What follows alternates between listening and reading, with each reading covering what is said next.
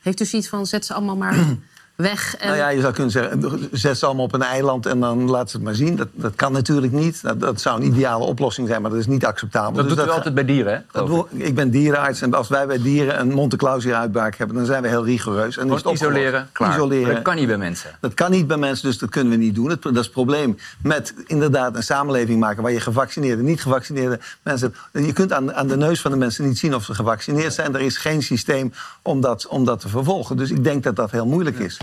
Dit is de Audiokrant Podcast.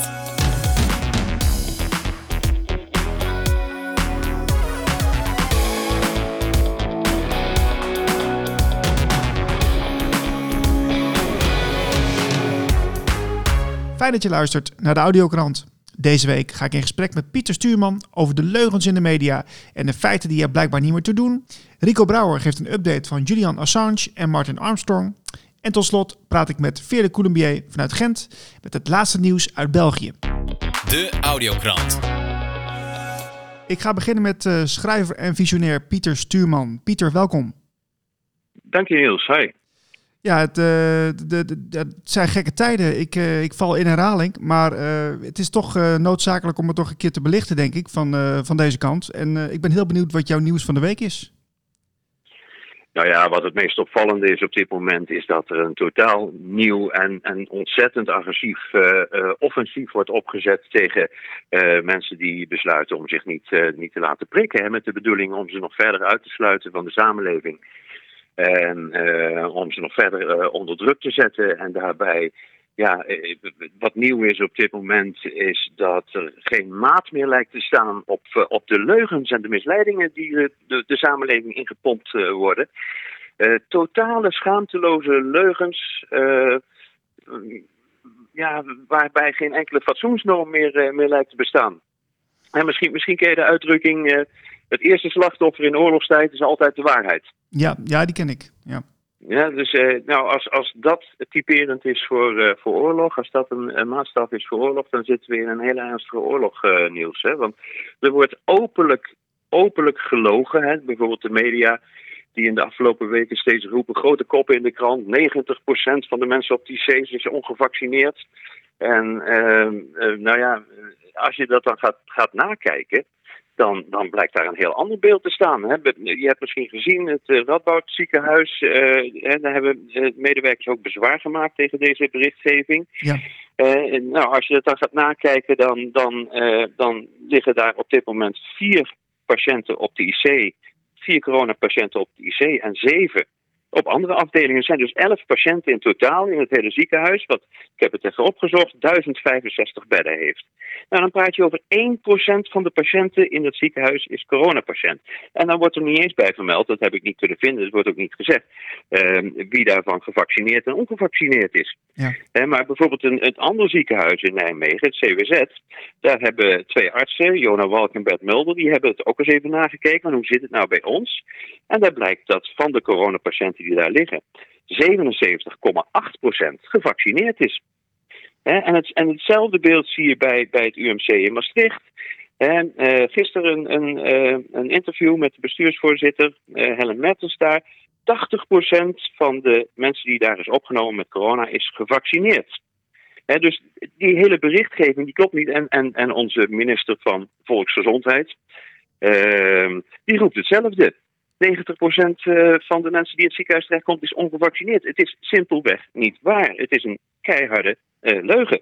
Hè? Bovendien wordt hij ook nog eens een keer in de media steeds coronaminister genoemd. Nou ja, dat is natuurlijk sowieso al een. een hè, hij is minister van Volksgezondheid, maar volksgezondheid is iets anders dan eh, alleen de afwezigheid van één virus. Mhm. Dus je ziet dat daar voortdurend misleid wordt. Het zijn hele en halve leugens, maar ze hebben allebei dezelfde bedoeling, namelijk eh, mensen een vals beeld van de, van de werkelijkheid te geven. En je, zei, nou, je hebt natuurlijk gezien, hè, eh, met name het Isala ziekenhuis in Zwolle, hè, daar stonden de kranten van vol. Ja, 80% eh, op de IC zou ongevaccineerd zijn. Nou, ik heb dat ook even opgezocht. Op dat moment lagen er vijf patiënten op de IC. Vijf in totaal. Waarvan er vier inderdaad ongevaccineerd was. Maar nul van die patiënten, geen van die patiënten lag daar voor corona. Nee, nee, nee. nee. Hè? En eh, weet je, dus ehm, ik heb dat ook even nog gecheckt op het eh, corona-dashboard van de Rijksoverheid zelf. En de afgelopen drie weken is er in Zwolle geen enkele patiënt, geen enkele coronapatiënt opgenomen in een ziekenhuis. Ja, en, to- en toch Dus, zie ik eh, hier een, want ik pak eventjes de lokale website van RTV Focus heet dat. En daar staat eh, met een grote kop bovenaan, dat was een, eh, een eh, artikel van 19 oktober. Isala-bestuurder Ina, Kuip, of Ina Kuper is dat. Eh, Zo'n 90% van de patiënten die wij nu opnemen met corona zijn inderdaad niet gevaccineerd. Ja, het klopt niet. Ja, Het, het, het klopt simpelweg niet. Maar bovendien geeft Ina Kuper zelf ook aan, desgevraagd, eh, zijn er dan zoveel coronapatiënten? Nee, zegt ze, er zijn niet, eh, niet veel coronapatiënten. Eh, maar we hebben het vooral druk vanwege uitgestelde behandelingen. eh, die nu moeten worden ingehaald. En dat is natuurlijk weer het gevolg van het hele, van het hele beleid. ja dat, ze, dat ze niet opschalen, de IC-bedden. Maar dat, dat, is, dat, is, dat was Ja. begin dit jaar ook al zo, dus ja. hè. Ja, nou ja, en als je ook, ook, ook kijkt naar het beleid, ik bedoel, het is werkelijk ongelooflijk wat er, eh, wat er gebeurt. Hè. We hebben, ehm, even kijken, ik heb dat hier even opgeschreven. Ehm, er is inmiddels meer dan 100 miljard uitgegeven door, aan, aan publiek geld door de overheid. Aan, eh, aan 70 miljard is ongeveer steunpakketten hè, voor eh, mensen die eh, hun zaak dicht moesten doen. En de rest ehm, eh, gaat naar de vaccinaties, handhaving en, en propaganda natuurlijk. Hè, 100 miljard is uitgegeven, terwijl ja, een, het uitbreiden van, van de IC, we, hebben, we hebben nu 1150 geloof ik eh, bedden op de IC, ik heb het even opgezocht, om, die, om dat te verdubbelen hè, naar 2300. Ja. Dat kost ongeveer 29 miljoen. Het kost 25.000 euro per bed. 29 miljoen. Hmm. Hè, dus, en dat is 29 miljoen, dat is 0,3% van de totale uitgaven die men gedaan heeft in dit hele coronaverhaal. Eh, dus het is waanzinnig dat dat niet gebeurt. En eh, de, de, de schuld hiervan helemaal bij de, bij de ongevaccineerden eh, eh, terechtkomt. Het- het- weet je, het zijn allemaal openlijke, openlijke onwaarheden. En, en bovendien, kijk, als je het- nou het hele verhaal eens een keer in perspectief ziet, want er wordt steeds geschermd met absolute cijfers. En niet met relatieve cijfers. Hè? Mhm. Want als je nou gaat kijken naar de absolute cijfers, hè, er worden, of naar de, sorry, naar de relatieve cijfers. Ehm, gemiddeld worden er in Nederland 3 miljoen mensen per jaar opgenomen in een ziekenhuis.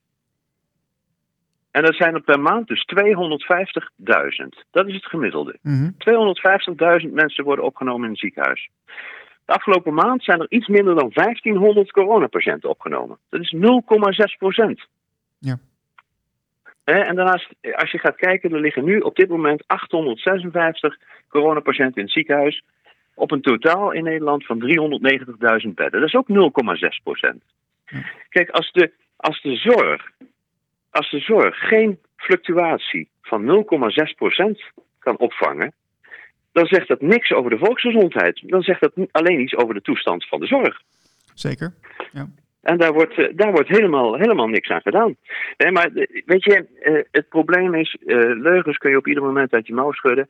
Halve waarheden kun je op ieder moment uit je mouw schudden. Maar het weerleggen kost meer tijd. Je moet moeite doen om achter de werkelijkheid te komen. En eh, dat kost meer tijd. Dus het is sowieso een ongelijk, eh, ongelijk speelveld. En ja, er staat geen maat meer op. Nee, maar als, als we nu er is even, geen fatsoensnorm nee, als we nu eventjes eh, ervan uitgaan dat de logica, eh, die, die, die wint het blijkbaar niet meer. Hè? Dat, dat, maakt, dat, dat, eh, dat heeft, zet geen zoden meer aan de dijk. Ze, ze blijven doorgaan met het faciliteren van, van angstcampagnes en, en ja, onwaarheden, laat ik het zo maar zeggen. De, de massa Ja. die gaat daarin mee. Ja, wat, wat, wat, wat, wat kunnen we dan verwachten de komende maanden? Eh, nou, de, de, er is een, een, een zeer agressief offensief tegen iedereen die zich niet wil, eh, wil laten prikken.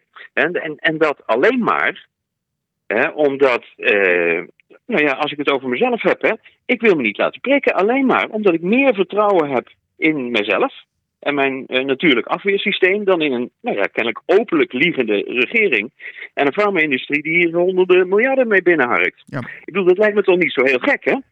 Nee, zeker niet. En, en wat we dus verder kunnen verwachten is dat, eh, ja, dat die, die, die voorwaarden voor die QR-pas, dat die verder zullen worden aangescherpt voor, eh, voor ongevaccineerden. Ik denk dat we dat eh, wel op zijn minst mogen verwachten, misschien nog wel erger. Maar ja, die hele QR-pas, de, de basis daaronder is ook een leugen. Er wordt steeds geroepen, nee, het is geen discriminatie, want er wordt voldaan aan het gelijkheidsbeginsel, dus is het geen discriminatie, want iedereen moet zijn groene vinkje tonen. Ja, ja, ja. Maar de voorwaarden voor het verkrijgen van zo'n groen vinkje voor gevaccineerden zijn totaal anders dan voor ongevaccineerden. Ja. Eh, Ik bedoel, eh, eh, ongeprikten moeten om de 24 uur testen voor het behoud van het groene vinkje. En wat in de praktijk natuurlijk gewoon onmogelijk is. En gevaccineerden hoeven dat niet. Die hoeven niet te testen. Al hebben ze 40 graden koorts, al gaan ze bijna dood van de corona. Al, al testen ze vrijwillig positief. Dan nog behouden ze een groene vinkje en mogen ze overal naar binnen. Hoezo gelijkheid? Hè, dat is geen gelijkheid. Ik bedoel, dan wordt het vergeleken bijvoorbeeld met het rijbewijs. En dan wordt gezegd, ja, iedereen die wil autorijden, die moet een rijbewijs hebben. Dat is het gelijkheidsbeginsel, natuurlijk. Maar het gelijkheidsbeginsel is er niet meer als één bevolkingsgroep maar één keer examen hoeft te doen en daarbij zijn rijbewijs houdt en de andere iedere dag opnieuw. Jeetje, Mina. Nou, Ja, dus- wat moeten we er nog mee doen? Want dit, dit, ik, weet je, ik word er ook een beetje moe van af en toe. Dit, eh, dit wordt alleen maar erger en eh, het lijkt Ja. een beetje een hopeloze zaak. Ja, ja, maar het is waanzinnig, eh, Niels. Het is totaal waanzinnig. En het is, het, het is, het is eigenlijk een, een, een- beledigend, vind ik, voor de menselijke intelligentie. Dat mensen dit niet uit zichzelf opmerken. Ja. Deze, de, de, dus de, de stortvloed van leugens is zo enorm en zo gigantisch. Hoe kan het dat mensen nog vertrouwen in hebben in, in, in, een, in, in deze openlijk liegende eh, overheid en media? Het, is onbegrijpelijk, maar ja, ik ben het met je eens, kennelijk is het zo. En eh, dus we zullen ons moeten voorbereiden op een, eh, op behoorlijk heftig offensief. We zullen steeds verder worden uitgesloten. totdat ja, mensen. De bedoeling is uiteindelijk dat mensen zwichten en hun mouwen oprollen. Ja, eh, George Orwell heeft er een helemaal boekje geschreven, hè? eh, Animal Farm. En toevallig heeft Ja. gisteren Ab Oosterhuis daar eh, een, ik wil niet zeggen een verwijzing naar gemaakt, maar het, je, kunt het, je kunt het zien als een verwijzing naar, naar het boek. Want hij zegt, ja, ongevaccineerden op een eiland zetten is ideaal, maar niet acceptabel. Ja, het zijn geen dieren, hè, zegt onze veearts. Dus ja, we weten waar we zitten nu. Ja, ja zeker. Dus we, moeten, als je mij vraagt waar moeten we rekening mee houden, we moeten rekening houden met een ongelooflijk agressief offensief. En ehm, ja, hoe we dat hoog moeten bieden, daar breek ik mijn hoofd over. Om eerlijk te zijn, ik, eh, ik weet dat, eh, ik, ik kan daar geen pasklare oplossing meer voor, eh, voor bedenken. Ik heb steeds gehoopt dat, dat mensen wel bij zinnen zouden komen. Dat blijkt niet het geval te zijn. Dus ehm, ja, het, het, het gaat een, een heftige tijd worden, vrees ik. Rico Brouwer van de Podcast, welkom in de show. Dankjewel voor je uitnodiging, Niels. Ja, Rico, eh, we, we- leven natuurlijk in interessante tijden. We- het wordt steeds gekker, elke dag van minuut tot minuut. Eh, maar jij bent met iets bezig waar heel veel mensen op dit moment van wegkijken, volgens mij. Ja, en ze weten ook niet meer waar het over gaat. Dat is het, het tweede deel van dit gesprek wil ik helemaal ingaan op Julian Assange. En ehm, vandaag is eh, het hoge beroep in zijn uitleveringszaak. Verenigde Staten willen hem hebben. En eh, ja, eh, eh, in januari was er een uitspraak in Londen dat hij niet uitgeleverd zou worden. Nou, de Amerikanen gingen in beroep. Die zaak dient vandaag, daar wil ik je over bijpraten. Oké. En inderdaad, niemand heeft het erover. Ook niet in de alternatieve kanalen, of moet ik zeggen nieuwe media, behalve ik. Maar oké, Ja. even om te beginnen. hoe kan dat? Ik was gisteren bij een demonstratie voor het Amerikaanse consulaat in Amsterdam aan het Museumplein. En eh, daar kwam ook niemand behalve, maar wel een paar schoolkinderen in de leeftijd 14, 15 jaar. En ik vroeg, ken je die meneer daar op die banner op de grond?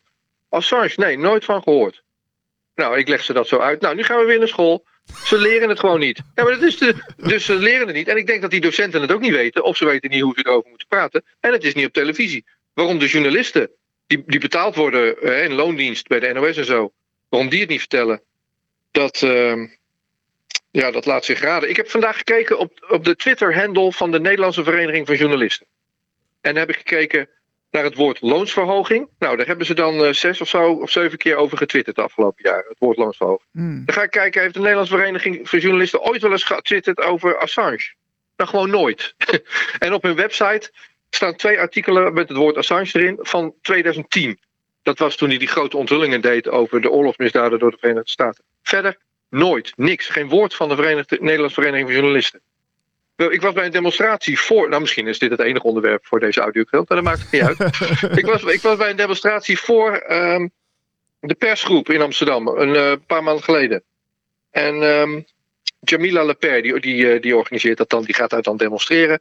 En haar actie daar was aan alle mensen die in en uitliepen vragen: Bent u journalist? Nou ja, en dan laat zich raden waar ze de volgende vraag over stelt. Want dan hangt zo'n grote banner met Assange moet vrij, hangt er dan achter. En alle mensen die naar buiten komen zeggen: nee, nee, nee, ik ben geen journalist. Alle mensen die naar binnen gaan: nee hoor, ik ben geen journalist. Nou, maar dat is journalisten headquarters van Nederland, hè? Dus de meeste mensen die in en uitlopen zeggen: ik ben geen journalist. Maar de enkeling die wel zegt: ik ben journalist, die zegt: die zegt Nee, ja, nee, maar ik schrijf niet over Assange hoor. Dat moet je bij mijn collega zijn. Ja, ja, ja, ja, ja, ja, ja, ja. ja. En, nou ze... ik was er niet klaar. Wacht even. En ik was zelf in Londen bij die, eh, bij die eerste hoorzitting eh, begin 2019 over die uitleveringszaak. Want zo lang loopt het al. Ik ging naar Londen om te kijken wie doet hier nou verslag van dan. Waarom is dit nooit in de krant? En eh, toen was de buitenlandcorrespondent van de NOS Tim de Wit. Tim de Wit was daar alleen op de maandagochtend bij die hoorzitting. En deed verslag van het verhaal van de Amerikanen. Ik nam contact op met Tim en zei: Wil je een biertje? Dan gaan we een biertje drinken. Dat kon toen nog. Cafés waren nog open. maar Tim had, geen, Tim had geen tijd voor een biertje met mij als onafhankelijk journalist. Want hij moest verslag doen van Brexit. Nou, dat was toen al geen verhaal. eh, ook niet. Ze willen niet. Dus ze worden niet uitgezonden. Ze schrijven er niet over. Ze- het interesseert ze niet. Of ze weten het ook niet. Ja, dat Nou, is dan, ben- dan antwoord. ben ik wel blij dat jij dat wel doet. Eh, je bent volgens Ja. mij, nou ja, dan ben ben je echt de enige in Nederland die er aandacht aan besteedt. Dus eh, ja, je kunt veel zeggen van de audiokrant, maar echt nieuws brengen we wel hoor. Ja, nou laten we dat maar doen dan. Dan laat ik die andere dingen voor wat ze zijn. Ik wil het wel noemen, want ik weet wat jij mee bezig bent. Niet alleen audiokrant en ik weet wat jou motiveert. Ik wil je een kort ander verhaal vertellen en dan gaan we terug naar Assange in de tijd die we dan nog hebben. Ik was begin deze week in Rotterdam. In Rotterdam was een huisje gekraakt. Ik was voor het eerst van mijn leven in een. Nou, dat is niet waar. maar ik was wel voor het eerst dat het net gekraakt was, zeg maar. Ja, ja. En eh, als je dan in zo'n kraakhuisje komt, eh, ja, weet je, met- instanties proberen kraken te voorkomen, dus die trekken de vloer eruit. En als mensen zo'n huisje kraken, dan leggen ze er weer nieuwe vloerdelen in, anders zit je alleen op de balken. Dus ik kom daar binnen en voor de helft liggen daar vloerdelen op. Er is geen stroom, er is geen water. En er zit een Italiaan, Salvo, Salvatore. Salvo, die wordt geholpen door een paar mensen in Rotterdam aan, aan een dak boven zijn hoofd. Salvo is vaccinatievluchteling uit Italië. En hij legt aan mij uit in een interview, dat zit ik nu te monteren, hoe hij. Ja, hij, kan geen, hij kan niet meer werken. Hij is uh, tatoeage-specialist en een Japanse tatoeage-stijl doet hij. Hij had hij een winkeltje in, hij had geld, hij had, een bedrijf. En nu mag je niet meer werken zonder een va- vaccinatie. En, Sal, en, Salvo zegt: Ja, in mijn gezondheidssituatie, mijn arts zegt: die prik voor jou is ongezond. De complicaties van die prik zijn gevaarlijker dan het risico van corona. Je moet het niet doen. Maar ja, hij kan dus niet meer werken. En in de coronacrisis liep zijn geld uit zijn zaak. En nou is hij nagenoeg failliet. En, een- en ja, ik zeg maar vluchteling. En, eh, en dan kraakt hij dan een huisje in Nederland en gaat hij hier verder. En hij is nu zijn familie ophalen.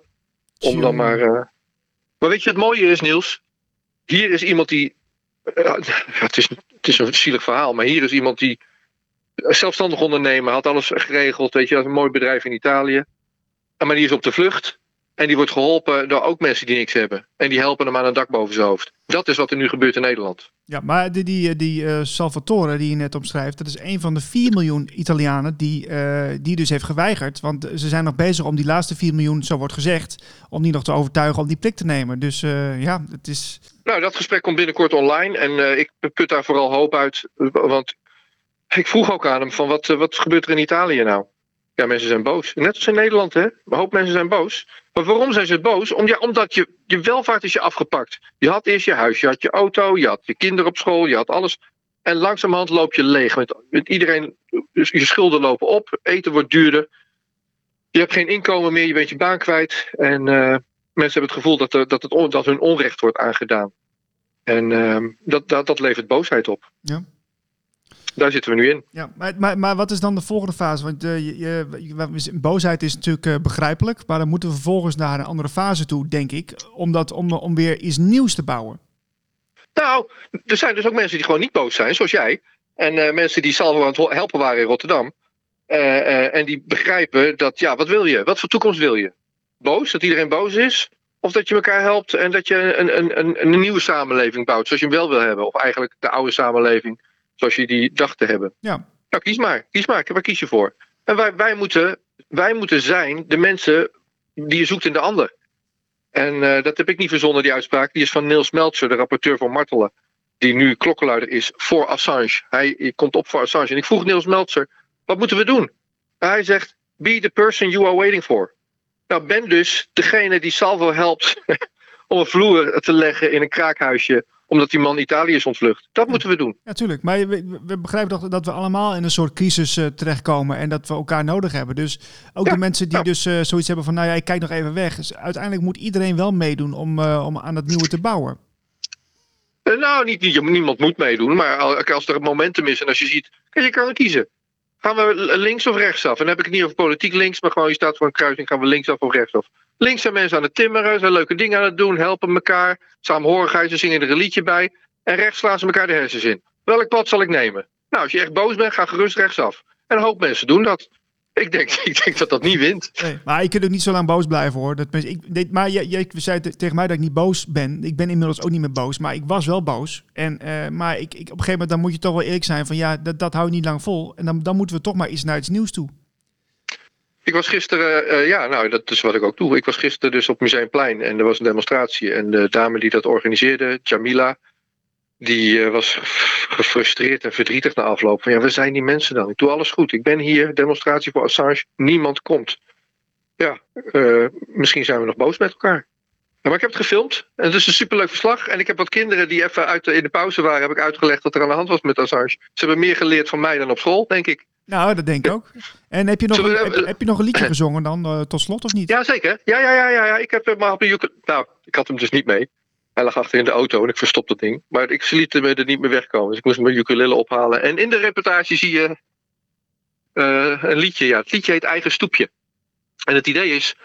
Ja, iedereen in dat is Nederland, hè? In Nederland leggen we een doek over de, over de bank en dan zie je niet dat er een scheurtje in zit. Ja, dus je, ja, je ja, ja. je doet je mooie voorkomen dat het is. En op zaterdag veeg je je stoepje en dan kijk je naar de buren waar de blaadjes nog op de stoep liggen op zondag. Dat is Nederlands. niet? Je Ja, dat ja, niet? ja, Dat- zeker, zeker ja, waar. Ja, heel herkenbaar. Precies. Dus het liedje heet eigen stoepje. Iedereen heeft wat te verbergen. En dat is maar goed ook. Dat is Nederland. Alleen met die afluisterwetten en met Assange in de gevangenis. Als je dus transparantie zet op je overheid, dan ga je de bak in. Nou, het liedje heet eigen stoepje. En je moet zorgen dat je wat te verbergen kan hebben. Dat is de aard van ons land. Dat is de aard van iedereen. Wees blij dat je dingen hebt waar je, waar je, waar je misschien niet zo trots op bent. Dat is, dat is onderdeel van wie je bent. Weet je? Transparantie op de machthebbers en privacy voor, eh, voor ons allemaal. Nou, dat is het liedje. Het heet Eigen Stoepje, superleuk. En ik zong het daar dus voor eh, die kinderen. en Voor eh, de mensen die kwamen demonstreren voor Assange. Leuk. We zullen je- eventjes... ja, nou, zeg maar, zeg maar. Ja, ik wil, ik wil nog wel wat vertellen in de tijd die we hebben over eh, die zaak van Assange. Als het mag. Ja, Want nee, in kan, ja. januari, ja. dan doen we dat nu. In januari dit jaar was de uitspraak, hij zou niet worden uitgeleverd. Daarna zijn er vier dingen gebeurd. Het één, Assange zat nog steeds in de zwaarst bewaakte gevangenis van, van Engeland. Dus hij mocht niet uitgeleverd worden. Hij is, het is geen vrijspraak, maar je zou kunnen zeggen een soort vrijspraak. Hij mocht niet uit. Niet uit. Zet hem dan onder huisarrest, doe hem een enkelband aan. Nee, niks van het alles. Nog steeds in isolatie op water en brood in de gevangenis. Eh, terwijl die ja, niet uitgeleverd zou worden. Dat is gek. Dat was in januari en nu is het oktober. Nu is pas het vervolg in beroep, want de Amerikanen gingen in beroep. De getuige van de Amerikanen, de belangrijkste ge- getuige, heet Sigurdur Tordan, Tordarsson. Dat is een, eh, een IJslander. Hij had gelogen. Zijn getuigenverklaring is gelogen. Hij is gechanteerd door de Amerikanen. Dat heb ik niet verzonnen. Dit is gedocumenteerd. Dit is de situatie. En dus de, de case, de zaak van de Amerikanen is, is gebaseerd op eh, leugens van een omgekochte getuige. Wat ook uitgekomen is, nog niet zo lang geleden, is dat de CIA onder Mike Pompeo, ik zal maar zeggen een soort eh, onderminister, eh, en een voormalig baas van de CIA, Mike Pompeo met de CIA wilde Assange vermoorden. Er lagen allemaal plannen klaar, hebben ze uitgewerkt onder Trump. Zo. Nou, even niet dat dat van Trump is, want Biden laat hem ook niet vrij. Het maakt niet uit wie de president is. De Verenigde Staten wilden Assange vermoorden. Allemaal uitgekomen. Nou, waar gaat de zaak vandaag over? In de eerste hoorzittingsdag, of in de eerste beroepsdag, moet ik zeggen. Die gaat om de reden waarom Assange niet uitgeleverd mag worden. En die reden was, ja, als hij wordt uitgeleverd, gaat hij dood. Dat is als te, te ongezond voor hem. Hmm. En, eh, en wat is er nu uitgekomen? De CIA had assassinatie, ver- moordplannen op, op, eh, op Assange. En, ehm, en eh, de getuigenverklaring is, eh, is, is gelogen. Nou, de, het- eh, wat er ook is gebeurd, is dat, is het verweer van de Amerikanen. Die zeggen, ja, wacht eventjes. Jullie zeggen dat Assange, eh, dat het slecht is voor zijn gezondheid, dat hij zal doodgaan, dat hij zelfmoord zal plegen in Amerika. Eh, maar dat is gebaseerd op een psychiatrisch rapport. En die psychiater heeft gelogen.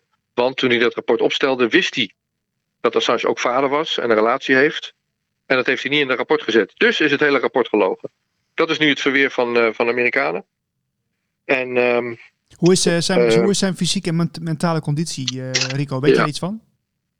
dat heb ik en dat ga ik ook. ik ga dat oplezen, want dat is heel belangrijk dat je dat vraagt. En de nieuwe, de huidige interim eh, editor, de, de baas van WikiLeaks. Ja, Assange zit in de bak, dus de baas nu of zo, hè, de, de, de eindredacteur moet ik zeggen, Kristen Rafnesson, zegt eh, voorafgaand aan vandaag: Assange kan er niet bij zijn.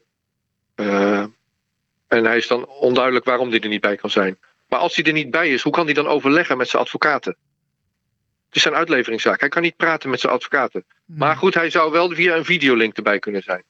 Nou, de advocaat zegt bij aanvang van die zaak: Assange zit onder zware medicatie, zegt hij vanochtend. Het is onduidelijk of hij via videolink mee kan, videolink mee kan kijken. Een half uur nadat de zaak begonnen was, is Assange dan even in beeld. Er zijn 65 journalisten die via een videolink meekijken. Die zitten dan druk te twitteren. Waaronder Podkaars. Podkaars is een van die 65. Wij zitten mee te kijken naar die rechtszaak. Ja, ik moet daar lachen. in ja, Nederland. Ja, ja. Ja. Podcast. Ja, nee, ik, ik, dat is, bedoel ik niks mee, maar ik vind het ook wel weer... Het is treurig en lachwekkend tegelijkertijd. Ja, Nou ja, wat mensen moeten realiseren als ze naar jou luisteren, is dat podcast dus een groter kanaal is dan de Volkskrant en de Trouw en de RTL en de SBS en iedereen. En de NOS. Want die doen het niet. Ze zijn er niet. Ze kijken er niet naar. Tim de Wit, waar ik net over had, doet er geen fuck mee. Niemand doet er iets mee. Wij zitten ernaar te kijken. Dus ik snap wel dat je lacht. Ik lach, ik lach die Nederlandse kanalen uit. Ja. Eh, serieus. De, echt, hoe, hoe halen ze het in de hoofd om hier geen aandacht aan te geven? Daar ben ik boos over. Maar ik ben vast nog niet klaar. Dus die advocaat van Assange zegt vanochtend, hij is eh, onder eh, medicatie. En het is onduidelijk of hij mee kan kijken via, videolink. Een half uur nadat begonnen was, was hij wel in beeld, hoestend, kennelijk met pijn. Zo zei een collega-journalist uit Engeland, Tarek Haddad, heb ik ook wel eens geïnterviewd. Om half twee vanmiddag, eh, dus na twee uur in de zitting, vertrok hij weer. Hij zag er moe uit, lang haar, mager, zei zijn verloofde Stella Morris. Stefania Morizzi heeft hier ook iets over gezegd hoe hij eruit ziet. Stefania Morizzi is een Italiaanse onderzoeksjournalist. Ze zei: He appeared very briefly, but enough to shock me. I have never seen him so unwell and so thin.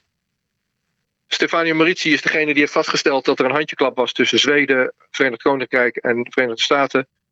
In eh, leugens over een ja, gelogen verkrachtingszaak die er nooit geweest is. Met als inzet om Assange op die manier uitgeleverd te krijgen. Zij heeft met WOP-procedures eh, daar dat naar boven gehaald. en zij mocht ook niet in die zitting zijn. Ze, Oh. ze- net als iedereen hoort ze pas een half uur van tevoren of ze het via videolink mag zien of niet. Ah ja. Dus ze mochten niet bij. Maar hoe moet je dat nou doen vanuit Italië? Als je niet van tevoren weet of je erbij kan zijn of niet. Dus ja, nou, dit keer was ze er wel bij. De vorige keer was ze aan het reizen en toen kreeg ze toen toestemming. Dus nu zag ze het wel. En ze ziet, ze ziet een uitgemergelde Assange. En eh, die kennelijk te ziek om in de zaal aanwezig te zijn. Ja, tot- tot- Nou, tot- tot slot, Rico, want we, we lopen een beetje Ja. uit. Wat ik, wat ik nu doe hier vandaag is een beetje Tim de Wit uithangen. Want ik doe alleen ver- verslag van wat de Amerikanen zeggen. De Amerikanen hebben vandaag hun zaak ge- gebracht. Morgen is de verdediging aan het woord. Ja, laten we het daar dan volgende keer over hebben, Niels. Of mensen kunnen zelf hier naar kijken. Kijk naar podcasts op Twitter. Dan zie je ook een hoop andere accounts die het aan het eh, vertellen zijn. En kom op voor persvrijheid. en vooral als je journalist bent. Want, want eh, ik doe het hier in mijn- eentje samen met Jamila. We doen het graag hoor, daar niet van. Maar het is een beetje eenzaam. Veerle Coulombier, welkom in de show. Goedenavond, Niels. Ja, het is eh, tijd om eh, een update te geven van wat er allemaal in België gebeurt. Ehm, Ja, we, we zijn heel benieuwd, want de Audiokrant heeft al een overzicht gehad van Julian Assange en eh, van alle maatregelen die er, eh, die er komen in Nederland. Want Pieter Stuurman vertelde dat Ja. al eh, vanmiddag. Ehm, Mhm. Maar eh, ja, hoe zit het bij jullie? Ja, het is eh, heel veel veranderd, Niels, op een super korte tijd. Oké. Uh, ja, wel tot nu toe um, was er eigenlijk ja, was er eigenlijk zo goed als geen maatregel meer in België. Allee, ik zeg wel zo goed als. Terwijl dat jullie al een uh, QR-code hadden uh, op horeca. En dat was bij jullie vanaf 25 september. Was er bij ons eigenlijk zo goed als niks. Enkel de QR werd toegepast in uh, situaties, bijvoorbeeld bij hele grote evenementen. Maar bij kleine evenementen en bij de horeca mochten wij nog naar café gaan. Mochten we nog, alleen mocht iedereen, ik zal het zo zeggen, nog op café gaan en al. Maar nu is dat veranderd vanaf vorige week. Zijn ze terug samengekomen met dat overlegcomité. Uh, dat wij altijd hebben, men, men noemt dat de Veiligheidsraad bij ons. Uh, en daarin heeft men beslist dat men vanaf nu vrijdag terug de mondmaskers introduceert, die eigenlijk waren vervallen vanaf 1 oktober. Dus het heeft nog geen vier weken geduurd en ze zijn teruggekomen op die mondmaskers. En vanaf maandag gaan ze Nederland op de voet volgen met de QR-code voor de horeca, voor de fitness en voor uh, grotere en kleinere evenementen. Zo, dat, is al wel, dat zijn flinke maatregelen dan die weer terug uh, ges, geschroefd worden. Ja, um, inderdaad. Want het, ja. Wat, wat, wat, ik nou, wat ik daar heel gek aan vind, is dat uh, uh, ja, heel veel Nederlanders hebben de afgelopen, afgelopen tijd ja, de, de oversteek gemaakt naar de, naar de Belgische grens. Want in België was het allemaal veel vrijer hè, in, in de cafés. Maar dat wordt dus nu allemaal weer teruggedraaid. Ja. Klopt, helemaal. Nu, ik zou moeten bekijken wat, wat er een verschil is tussen cafés en tussen horeca. Maar inderdaad, tot nu, uh, tot uh, 1 oktober, was er van alles dat je kon doen. Uh, allee, wat 1 oktober, niet excuseer, tot nu, we zijn de, de, de laatste week al van oktober. Uh, was er van alles dat we konden doen voor iedereen, gevaccineerd of niet gevaccineerd, getest of niet getest. Iedereen kon naar een café gaan, naar de kermis gaan, naar kleine evenementen, salsa gaan dansen, naar de fitness alles was mogelijk voor iedereen tot nu toe. En het, het leek alsof er eigenlijk niks aan de hand was. Nee.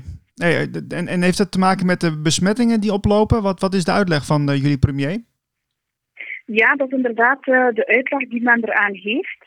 Uh, en men zegt ook um, dus dat ze nu de QR-code vooral willen toepassen om het veiliger te maken. Bij ons noemt dat officieel het COVID-safe ticket. Maar het wordt in de volksmond ook het COVID-slave-ticket genoemd. Um, omdat men dat eerder een, uh, ja, een betere benaming vindt voor, die, uh, voor dat ticket. Ja, dat, dat, dat zeggen jullie nou wel heel stoer. Maar uh, er, zijn ja. er zijn weinig Belgen die zich echt uitspreken hè, over dit, dit, dit soort dingen. Ja, dat klopt. Dus een hele moeilijke situatie hier in België. Uh, ook voor mensen, vanaf dat je jezelf uitspreekt spreekt of een kritische idee hebt, um, ook al ben je een dokter of een viroloog of uh, eenderd wat, um, dan word je direct in een, een, andere categorie geplaatst. Dan word je ontslagen of word je, dus je wordt gewoon monddood gemaakt. Er is geen plaats voor. Meestal wordt het, de stempel extreem op iemand geplakt en dan is van eerste keer uh, wordt er niet meer geluisterd naar die perso persoon. Dus het is heel moeilijk hier in Vlaanderen. Ja, want, want ken je een aantal uh, bekende Vlamingen die wij ook in Nederland kennen, die, uh, die, die, zich, die zich wel durven uitspreken op social media bijvoorbeeld? Mm -hmm. het zijn er eigenlijk heel weinig en de Vlamingen zijn daarin zeer subtiel. Dus als ze bepaalde ideeën hebben, gaan ze dat bijvoorbeeld ehm, op een bepaalde manier omschrijven dat iemand die snapt waarover het gaat, het wel snapt, maar eigenlijk is dat een soort van codetaal. uh, ja, om te zeggen van kijk, uh, bijvoorbeeld zo van die slogans. Als je het zo ziet, dan zie je het zo. Ik zeg maar iets. Hey, en dan weet iemand van oké, okay, die persoon snapt het. Maar uh, heel veel mensen willen zich niet direct uitspreken. Er zijn wel een paar mensen die over bepaalde zaken zijn gaan uitgesproken, maar die dan ook niet meer worden gehoord. Ik denk maar aan een professor Lieven Annemans. Dat was iemand die heel vaak ons op het uh, nieuws kwam, maar ook uh, die kwam spreken in, in praatprogramma's en zo. En op een bepaald moment heeft hij zich uitgesproken over bepaalde maatregelen die werden getroffen. En hij zei van kijk, dit is mentaal gezien voor de bevolking niet gezond. En die is weggezet geworden en die is als extreem en het, die man mag niet meer spreken. Punt gedaan, andere lijn. Maar dat, dat, dat is, eigenlijk is het wat jij net schetst, hè, van dat mensen in België blijkbaar wel op, een verkapte manier wel hun mening geven. Dus eigenlijk een vorm van zelfcensuur. -hmm, inderdaad. Ja, voorzichtigheid, zelfcensuur. Ik denk dat Nederlanders en Vlamingen daarin heel veel verschillen. Um, het, is zo, zo gevaarlijk als je een andere stem hebt, ook al is dat een juiste stem of een waarheid die gesproken wordt. Het maakt niet uit. Eh, als het anders is, dan is het, eh, kan je gewoon, bijvoorbeeld, ook zo een, eh, een leraar ehm, aan uh, UGent, als ik me niet vergis, Sam Brokken, eh, aan de hogeschool, dacht ik. Uh, maar ik ben nu even aan het twijfelen naar welke school. Maar die man sprak ook heel vaak in, uh, in spraakprogramma's. en die man heeft dus een boek geschreven dat noemde Omgekeerde um, omgekeerde lockdown, dacht ik. Okay. En uh, ja, die wil eigenlijk op een andere manier de, de, de regels die nu worden gedaan, het omgekeerde gaan doen. En um, dus op die manier, um, je had in een praatprogramma ook iets uh, gezegd daarover en ze hebben hem direct ontslagen. Dus hij heeft zelfs geen werk. En, en hoe, hoe zit het eigenlijk met, met, uh, met, met, de, met, ja, met de Belgische politiek? Want uh, kijk, er moeten natuurlijk regels worden doorgevoerd, maar uh, hoe, hoe zit het in de Belgische, in de Belgische Kamer? Want ze hebben, in Nederland hebben we natuurlijk een Tweede Kamer. daar moet toch eerst over gestemd worden, volgens mij? Um, dat politiek zit, ja, dat dat moet gestemd worden. Ja. Er wordt, ja. Kun je, kun je die vraag nog een keer opnieuw opnieuw stellen, herformuleren? Ja. Uh, nou, hoe, hoe, dat, hoe dat geregeld zit in de politiek. Want in, in Nederland moeten we eerst gaan partijen daarover stemmen voordat er iets doorkomt. Hè? maar ja. dat, dat moet toch in België dan ook zo gaan via een democratisch proces?